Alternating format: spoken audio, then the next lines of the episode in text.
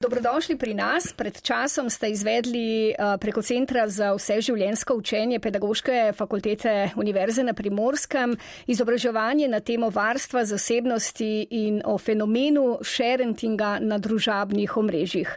Um, pa predlagam, da začnemo kar pri tem, kaj sharenting sploh pomeni. Uh, seveda lahko sklepamo, sestavljena je iz dveh besed share in parenting. Ja, najprej uh, hvala lepo za vabilo. Um, za to temo smo se odločili ravno zato, ker uh, dejansko jo doživljamo dnevno vse okrog sebe, uh, zelo malo pa je dejansko razumljena, tako uh, v splošni javnosti, kot pa tudi raziskana. Namreč, preden smo se lotili teme, smo malo pogledali. Uh, Kako je raziskana ta tema, sploh v slovenskem prostoru, ker iz tujine imamo kar nekaj podatkov, pa raziskav.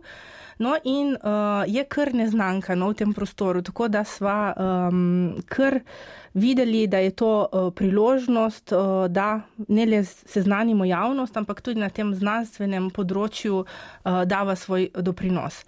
Tema je zelo aktualna, no preden uh, mogoče gremo, uh, bomo rekli, v podrobnosti, uh, samo še pojasnilo, mi v tej temi govorimo o, o tem sharingu, o deljenju objav v zasebne namene. Namreč vsi poznamo um, novodobni pojav influencerstva, ko dejansko celotne družine so monetizirane, kot temu lahko rečemo, torej gre za neke komercialne namene, ko se delijo podobe otrok in tako naprej. Uh, to je neka druga tema, uh, v katero se z dr. Lipičnik uh, nisva spuščali. Uh, naj namen je tukaj predvsem raziskati ta pojav v, uh, v zasebne namene, torej ko starši delijo podobo svojih otrok.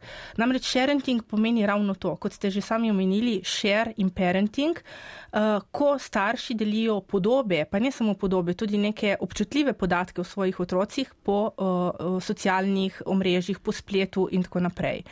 Uh, zdaj ta pojem sharing je nekako prišel v obtok. Uh, Cirka leta 2010, ko ga je en novinar uporabil v, v časopisu Wall Street Journal, torej v ZDA. Sam pojav pa seveda ni nastal takrat, ampak veliko prej, torej z nastankom socialnih omrežij. Ne? Ampak prav sharing, recimo, da poznamo od tega leta dalje. Pa obstaja slovenski izraz za to? Uh, ne, ni ne ga, še. Ni ga, ni še. Uh, in ja. v, v čem pravzaprav je problem sharinga? Mm, bom kar jasno nadaljevala. Ja, uh, v bistvu gre uh, predvsem za to, da uh, ne spoštujemo te pravice zasebnosti. Namreč, kaj je to pravica do zasebnosti? Pravica do zasebnosti je, če gremo malo dlje v zgodovino oziroma na neko mednarodno raven, uh, je človekova pravica. Ena izmed temeljnih človekovih pravic, uh, ki jo verjetno tudi kot odrasli sploh ne razumemo oziroma ne vrednotimo dovolj. Namreč obstaja tudi nek rek, eh, ki pravi oziroma neka misel, da se vrednost zasebnosti zavedamo takrat, ko jo izgubimo. Um, zdaj tukaj govorimo o otrocih. Kaj je tukaj največji problem? Zaradi tega, ker so starši tisti, ki so nosilci uh, oziroma izvajalci pravic za otroke, ker seveda otroci kot taki v pravnem redu, pa tudi zaradi svojih omejenih fizičnih in drugih sposobnosti, ne morejo sami uveljavljati vseh svojih pravic in smo starši tisti, ki namesto njih uh, upravljamo oziroma uveljavljamo te pravice. In pri tem sharingu gre ravno za to, da posegamo v to pravico. Ker namreč kaj pomeni pravica do zasebnosti? Če čisto posplošimo, uh, pomeni, da imamo nadzor nad tem, kaj želimo, da drugi vedo o nas. Torej, kaj želimo deliti s svetom. In s tem, ko delimo fotografije oziroma kakršnekoli tudi druge informacije o otroku, jim to oduzamemo. To pravico, da sami odločajo o tem, kaj bo deljeno o njih, jim oduzamemo. Uh, seveda, vedno se je dogajalo, oziroma tudi odkar obstaja človek oziroma družine, da so starši delili fotografije, govorili o svojih otrocih in tako naprej. Razlika je, ker zdaj to počnemo na svetovnem spletu. In kot vsi vemo, kar damo enkrat v eter, ostane v etru, oziroma nimamo več nadzora, dokje to sega, oziroma kdo lahko to vidi, uh, nimamo več nadzora nad tem, kdo lahko eh, vse s tem upravlja. In tu je ta največji problem, ki se ga starši večinoma, tudi z naše pilotne raziskave, o kateri bomo govorili v nadaljevanju, tudi sami priznavajo, da na začetku se tega niso zavedali. Ja, točno tako. Torej, eh, ta sharenting eh, je prisoten tudi pri nas in eh, zato ste izvedli omenjeno manjšo pilotno raziskavo. Ja, mene je presenetilo, ko sem poslušala o tej raziskavi, da dejansko ljudje tega pojma in pojava pri nas ne poznajo. Pa morda lahko povesta, kje smo kot družba na tem področju, torej kaj vse lahko sklepamo iz opravljene raziskave, kakšni so izsledki. No, je ja, bi tu dala kar dr. Lepičnik uh. besedo, ker je tudi sama interpretirala potem to raziskavo v tem izobraževanju. Ja, hvala lepa za besedo in seveda lep pozdrav tudi v mojem imenu, tako kot je moja kolegica povedala, torej, da ste lotili tega. Namreč ta tema je nekako izziv tudi, bom rekla, sodobnega starševstva, eh, ki ga um, proučujemo in osvetljujemo tudi v okviru nekaterih eh, predmetov, ki jih eh, imamo na, eh, na, v študijskih programih naše fakultete. In zato je to še toliko bolj zanimivo bilo tudi za naju. No, tako kot pač, smo naredili to pilotno raziskavo, pripravili smo anketni vprašalnik, ga seveda tudi ne dve posredovali preko, preko internetne povezave. Eh, in eh, nanj se je v, mislim, da približno desetih dneh eh, odzvalo 219 staršev, ki so to, ta anketni vprašalnik izpolnjevali. Tu mogoče velja povedati, da je, so bile pretežno ženske, kar 80 odstotkov, 20 odstotkov moških, kar pa ni nič presenetljivega kajti tudi sicer um, raziskave z tega področja um, malo širše, torej um, recimo v Ameriki in tudi v Skandinaviji, uh, kažejo ravno na to. Torej v glavnem se odzivajo mame oziroma ženske. Zdaj, kako bi mogoče to lahko pojasnili? Um, torej, um, največkrat se začenja ta, um, torej to posredovanje ali sharing um, v zgodnem obdobju otroka, oziroma nekateri to delajo, nekateri starši to počnejo še pred, roko, pred otrokovim eh, rojstvom. Eh, to nam kažejo raziskave, mi tega nismo eh, proučevali, mi smo se osredotočili na, na razpon otrokove starosti med nič in eh, 15 let. Um, No, ampak skratka, zakaj to počnejo mame oziroma kako lahko to pojasnjujemo? Namreč v tem obdobju so mame več ali manj, ko se jim rodi otrok ali na uh, nekem dopustu ali skratka imajo nekaj več časa. Uh, in uh, verjetno tudi so v tem obdobju veliko bolj čustveno, um, torej bom rekla tako, v nekem zanosu, ponosu, v neki čustveni euforiji in v tej euforiji želijo deliti eh, slike ali eh, videe ali posnetke svojih otrok. Eh, in je to pač povsem razumljivo. Tole je odličen uh, uvod, zato da razumemo, torej, uh, zakaj sharenting pravzaprav prevladuje uh, med ženskami.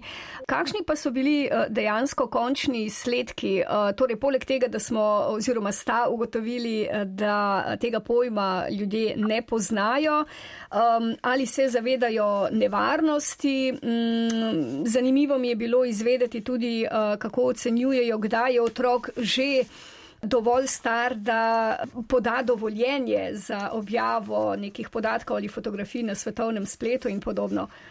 Ja. Če mogoče lahko ravno zdaj to na zadnje povem, torej najnovejše raziskave neuroznanosti kažejo o tem, da smo mogoče v preteklosti malce um, podcenjevali otroka, otrokovo mišljenje in tudi otrokovo sposobnost presojanja.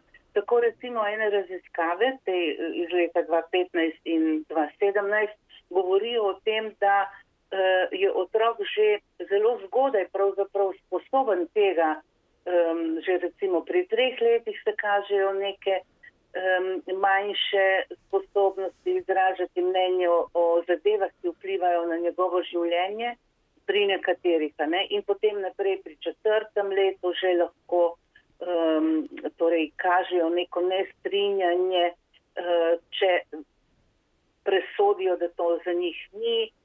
Pri šestih letih pa že so sposobni tvoriti neke hipotetične izjave, naprimer, kaj če se to zgodi, kaj se bo potem zgodilo. To so torej te raziskave, čeprav nekako pri nas, bom rekla, še vedno prevladuje to mnenje, da je v predšolskem obdobju nekako glo, globalna skrb eh, staršev tista, ki eh, prevladuje in da otrok eh, še ni tako zrel, da bi lahko eh, te stvari povezane predvsem z šeretingom eh, razumel. Eh, no, eh, mogoče tu še nadaljujem na tisto vaše eh, prvo vprašanje. Eh, Ja, tudi naši podatki kažejo, da, je, eh, da se ta pojav um, največkrat uh, odvija oziroma da so v to vključeni otroci, ki so stari oko do enega leta. Se pravi, to kaže na to, kar sem prej povedala, ta čustveni naboj uh, mame oziroma očeta ob tem, ko dobijo otroka uh, in potem pač v tem čustvenem balončku želijo to svojo srečo. Eh, deliti naprej, ne da bi pomislili, kaj se lahko zgodi. No in raz, razveseljivo pri teh podatkih, ki smo jih dobili eh, s kolegico, je to, da se v bistvu eh, starši, ki so, ki so jih anketirali, zavedajo tega in da pišejo, ne, da pred desetimi leti, pred petnajstimi leti morda se niso tega zavedali in takrat so te stvari počeli ravno iz te oporije da danes pa tega ne bi to počeli. Se pravi, tu kaže na to, da se, uh, da starši tega, da se starši tega zavedajo. In ko smo jih vprašali, če bi to še enkrat naredili, je njihov odgovor bil, uh, seveda, da ne, oziroma premislekom ali z določenimi filtri, ki jih dajo uh, lahko pri, um, pri, tem, pri tem deljenju teh uh, njihovih posnetkov in tako. Tako da z tega vidika bom rekla, je to zelo razveseljivo, čeprav um, ostajajo še nekateri starši s svojimi odgovori in uh, utemeljujejo to, da bi ne glede na to te stvari delili. Torej vidimo, da je ta, um, ta mnenja staršev so razpršena in to je verjetno tudi to, da nas nekako to uh, pripelje do enega, bom rekla, nek, enega od splošnih sklepov, da uh, bo treba verjetno na tem začeti um, uh, malo bolj intenzivno uh, delati, se ukvarjati. Uh, se pravi, tako na polju, bom rekla, družine in medsebojnih odnosov v družini, in seveda potem naprej v instituciji, v vrtu in v šoli. To mogoče bo še kolegica kaj povedala. Ja, um, mogoče bi še eno pojasnilo. Uh, ta sharing, ta pojav sharing, na nj lahko gledamo iz, uh, različnih, uh, iz različnih strok. Uh, zelo veliko se govori o teh nevarnosti uh, deljenja fotografij oziroma podatkov o otrocih na spletu iz, bomo rekli, teh varnostnih razlogov na uh, področju kaznjivih dejanj in tako naprej. No, mi dve smo se sredotočili, uh, kot je verjetno bilo tudi razumeti um, iz, uh, iz pojasnil kolegice, na ta uh, vidik osredotočen na otroka. Torej, kako pravzaprav otroku dati moč, da sam izrazi neko svoje mnenje, kako ga upoštevati kot, uh, lahko rečemo, nekega enakovrednega partnerja. Res je, uh, kot smo že povedali, da otrok je pač tudi po pravnem redu do 18. leta otrok in zanj praviloma skrbijo starši. Uh, tudi Ustava Republike Slovenije daje staršem uh, pravzaprav to izvirno pravico da izobražuje in vzgaja uh, svoje otroke v skladu z njihovimi zasebnimi, moralnimi uh, in drugimi prepričanji, vendar pri vsem tem je vedno vodilo korist otroka. Korist otroka je nek pravni standard, ki ne velja zgolj uh, pri nas v Sloveniji, ampak tudi v mednarodnem okolju. Uh, torej, pri vseh zadevah, ki se tičejo otroka, pri vseh postopkih oziroma kadarkoli imamo otroka, vmes je korist otroka tisto glavno vodilo. Ne? In zdaj tukaj se moramo vprašati, kaj je dejansko korist otroka. Um, in seveda mu je treba dati tudi moč, da se o tem izrazi. Zdaj, eh, kolegica je povedala najnovejše raziskave, pa tudi to, da prihajamo do ugotovitev, da smo verjetno nekoliko um, ne bom rekla zanemarili, ampak podcenjevali, koliko so že majhni predšolski otroci dejansko sposobni razumeti, pa tudi izraziti svoje stališča. No, in to neko novo razumevanje se ne kaže zgolj na tem področju, ampak tudi na ostalih. Recimo pred časom smo ravno tako s kolegico raziskovali temo, ali tudi v raziskavah je potrebno pridobiti tako neformalno soglasje otrok, da jih vključujemo v raziskave, kljub temu, da so starši že dali dovoljenje. Torej spet, da, so, da jim damo možnost, da se sami odločajo o tem, da bodo sodelovali pri nečem. No, in že v raziskavah je iz nekih etičnih razlogov vse bolj uveljavljeno, da ima tudi raziskava neko moč, neko um, posebno vrednost, če uh, imamo uh, to privolitev. No, podobno bi veljalo verjetno v prihodnje tudi razmišljati o tem, torej, da damo otrokom to um, pravico, da se sami, uh, sami nekako izrečejo, kaj želijo deliti s svetom. No, in v tem, uh, tej pilotni raziskavi je bilo eno izmed vprašanj tudi, uh, za starše, ali vprašajo otroke, če smejo deliti fotografijo, podobo oziroma drugo informacijo. No, in uh, rezultati so bili v pretežni meri, da ne. Uh, del teh rezultatov za ne uh, so obsegali tudi to, da pač so otroci premajhni, po mnenju staršev. Skratka, uh, velika večina staršev seveda otrok ne vpraša po mnenju. Eno izmed drugih vprašanj je bilo tudi, če starši so seznanjeni, morda uh, kakšno mnenje imajo otroci te, o tem, da pač delijo njihove fotografije, njihove informacije. Um, no, uh, tukaj so prednjačili predvsem odgovori, da recimo za najstnike starši se zelo dobro zavedajo, da pač slike oziroma podobe morajo biti pravzaprav popolne, če jih uh, smejo deliti, oziroma najstniki največkrat tega ne dovolijo. Uh, Eh, problem so seveda tisti manjši otroci, torej ti predšolski otroci, recimo tudi mogoče tam prvi, drugi, tretji razred, uh, ko jih starši nekako ne ocenjujejo za um, sposobne dati neko svoje mnenje uh, o tem, ali uh, smejo ali ne smejo deliti fotografije. No, kar naj, naj jo je obe presenetilo, um, je pri teh odprtih vprašanjih nekako so se nakazovala, ne moramo reči, da je bil to ravno nek rezultat, ampak nakazovala neka mnenja, da starši nekako ocenjujejo, da so štiri leta uh, nekako nekako tako presečno obdobje, kdaj uh, starši zaznavajo, da bi otrok lahko bil sposoben se opredeliti do tega, recimo, če želi, da se neka informacija, neka fotografija deli.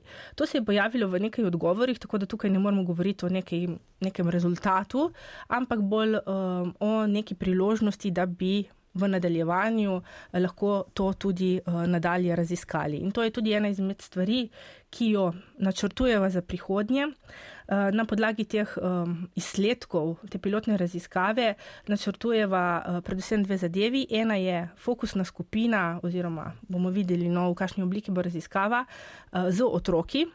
Um, različno starimi, kjer bi se osredotočili ravno na njihovo mnenje o tem, um, kako se počutijo ob tem, da starši delijo njihove informacije, njihove slike, eh, ali bi želeli, da se jih o tem vpraša. Skratka, da postavimo otroka v središče tega vprašanja. In verjamemo, da z odgovori oziroma z izsledki te raziskave eh, bi verjetno tudi marsikateri starš na novo razmislil o teh vprašanjih. Ja, mogoče lahko še to, torej med vas tudi vprašali, kaj pa oni mislijo o tem, ali potrebujejo še kakšna nova znanja, da bi lahko um, živeli v digitalnem svetu tudi na tem področju uh, in da ne bi hkrati puščali digitalnega odpisa svojih otrok kar tako. Uh, no in moram reči, da je tudi tukaj uh, odgovor, ki, ki smo ga, uh, odgovori, ki smo jih prejeli, so pravzaprav zelo spodbudni.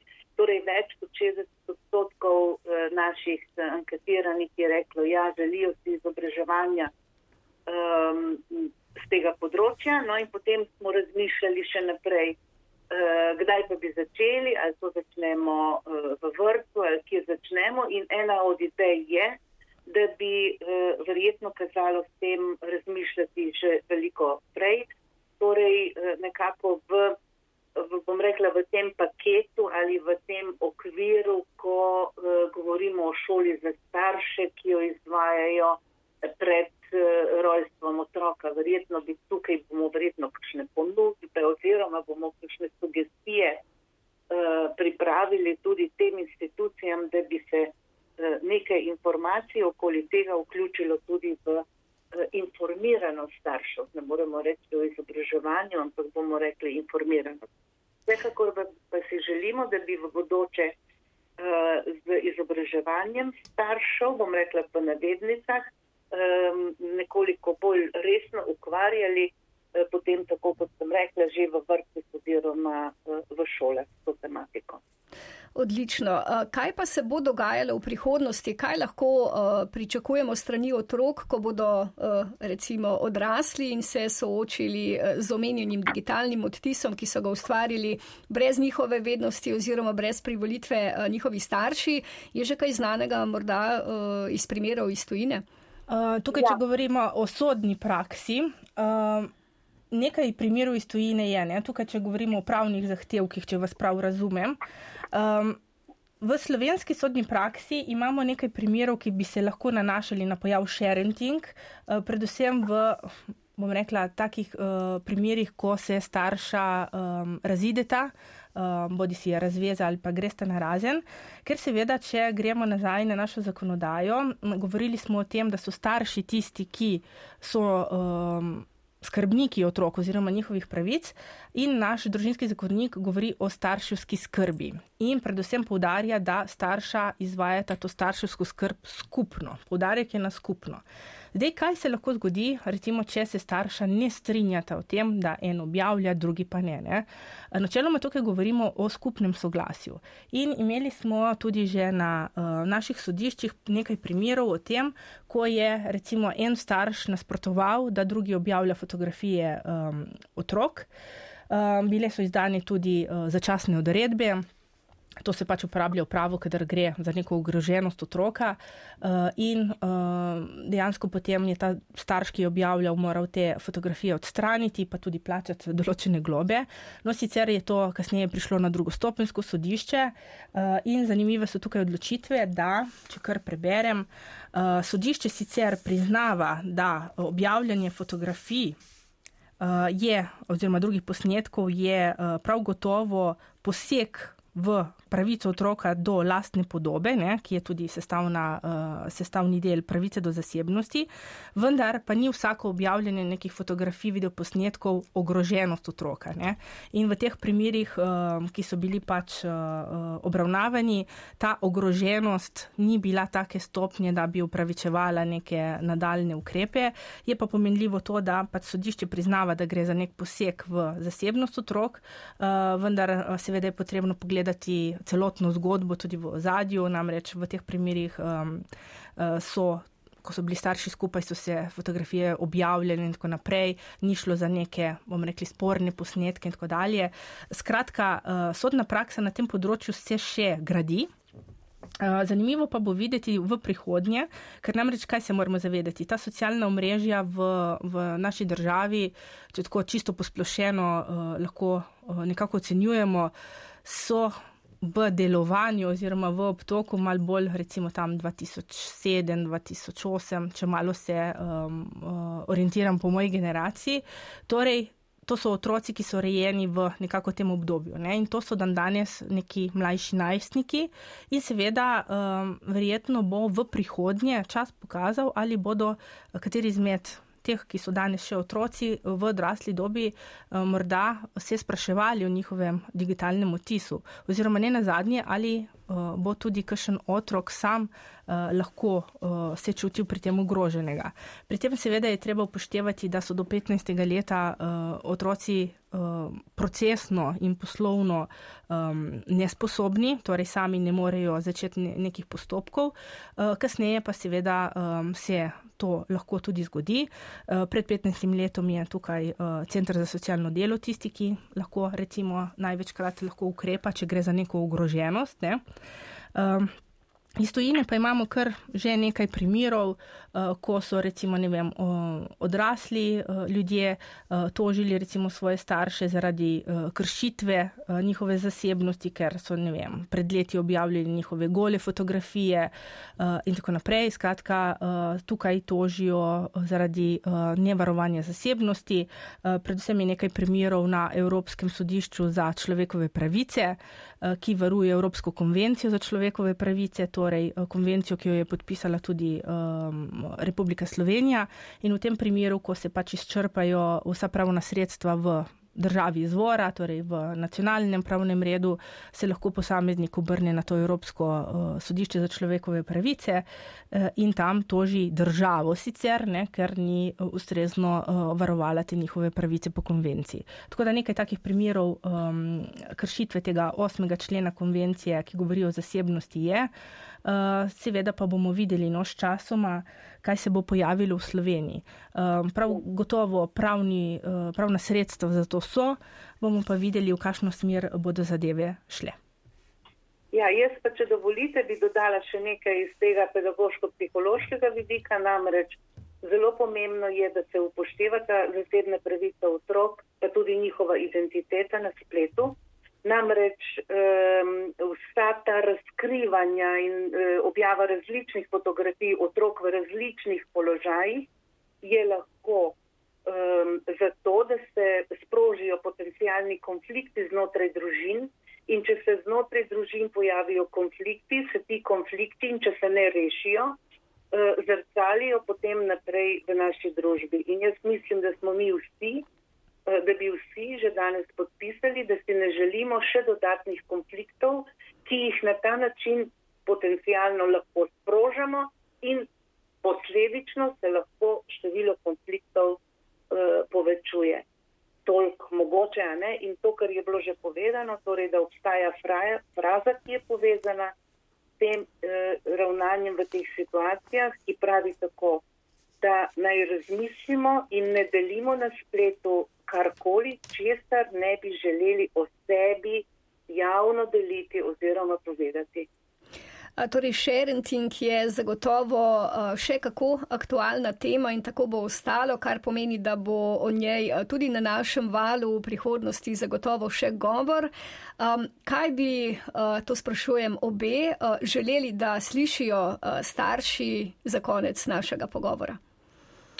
Ja, no, mislim, da je dr. Lipičnik zdaj uh, lepo povedala neko skoraj da zaključno misel. Uh, no, če jo jaz še mogoče uh, nekoliko, uh, nekoliko te misli dodam, no, tudi uh, glede um, teh objav otrok sem pri raziskovanju te teme, pa zdaj ne vem točno avtorja, no, mogoče, če bo poslušal, se bo našel v tem, uh, ki pravi tako, da o otrocih tudi ne delimo ničesar, kar nismo pripravljeni uh, deliti na javni oglasni deski. Uh, pa čeprav se moramo zavedati, da kadar damo nekaj na splet, uh, je veliko, uh, seže veliko dlje od oglasne deske. Ne. To je tisti, tisti naj, največja težava je ravno v tem, da se verjetno razsežnosti tega, kam končajo vse te lahko informacije, uh, na spletu se tega večinoma ne zavedamo. Pa to ni iz nekih um, naklepnih nagibov, ampak predvsem iz neke nevednosti. In tudi starši so v tej naši raziskavi. Eh, Ker bomo rekli, uh, tako sami ovrednotili uh, nekako to njihovo neznanje, neznanje v smislu, da so se s časoma ozavestili oziroma ko so sami ugotovili, kaj to dejansko pomeni, ta digitalni odtis, eh, to eh, objavljanje po spletu, kako nimajo nadzora nad temi podatki, da lahko končajo v katerih kolih rokah eh, in tako naprej, so s tem prenehali. To je sicer, kot pravim, en vidik, ne, ta varnostni vidik. Mi se pa moramo tudi malo več ukvarjati s tem uh, psihološkim vidikom oziroma s tem vidikom, da otrokom damo moč nad uh, deljenjem lastne podobe. Ne? In mogoče je ravno o tem premalo govora. Ta pravni vidik varnostni je še nekoliko uh, odmeven, medtem ko pa ta vidik, da ima otrok dejansko pravico do lastnega mnenja, pa tukaj bi mogoče za konec omenila še konvencijo o otrokovih pravicah, pa 12. člen te konvencije, ki pravi, da je potrebno upoštevati mnenje otroka v vseh postopkih vezanih na nj v skladu z njegovo starostjo in zrelostjo. Ta člen se uporablja tudi v pravu zelo pogosto. Prej sem omenila, da so otroci pod 15 letom procesno oziroma poslovno nesposobni, vendar še vedno imajo pa uh, pravico izraziti neko svoje mnenje, neko svoje stališče. In na tem verjetno uh, velja nekoliko več delati in jih vključevati v, v vse odločitve, ki se jih tičejo, seveda spet upoštevajoč njihovo starost in zrelost. Tako da to ni neka um, stalna uh, zadeva, ampak se spreminja uh, s časom in uh, na otroke je potrebno gledati kot na neke uh, enakovredne subjekte, v družbi, seveda uh, subjekte, ki potrebujejo neko posebno varstvo, uh, vendar uh, ta enakovrednost tukaj moramo nekoliko več delati na tem. Če lahko samo še dodam z pedagoško-psihološkega vidika nekaj, torej na otroka moramo gledati vedno kot na proaktivno bitje in mu dati priložnost za to, da sodeluje, torej da participira, da ga hkrati opolnomočimo in da uh, nekako ga varujemo. Torej, vse te tri paradigme, popolnomočenje, participacija in uh, varovanje, naj bi bile tiste, ki bi jih starši imeli v mislih, ko bi počeli take stvari. Tako. Jaz pa srčno upam, da smo uh, z današnjim pogovorom spodbudili, da bodo starši s pravicami, ki so jim dodeljene, smotrno ali pa smotrneje uh, ravnali. Obema hvala lepa za obisk na Radio Koper. Hvala vam. Hvala.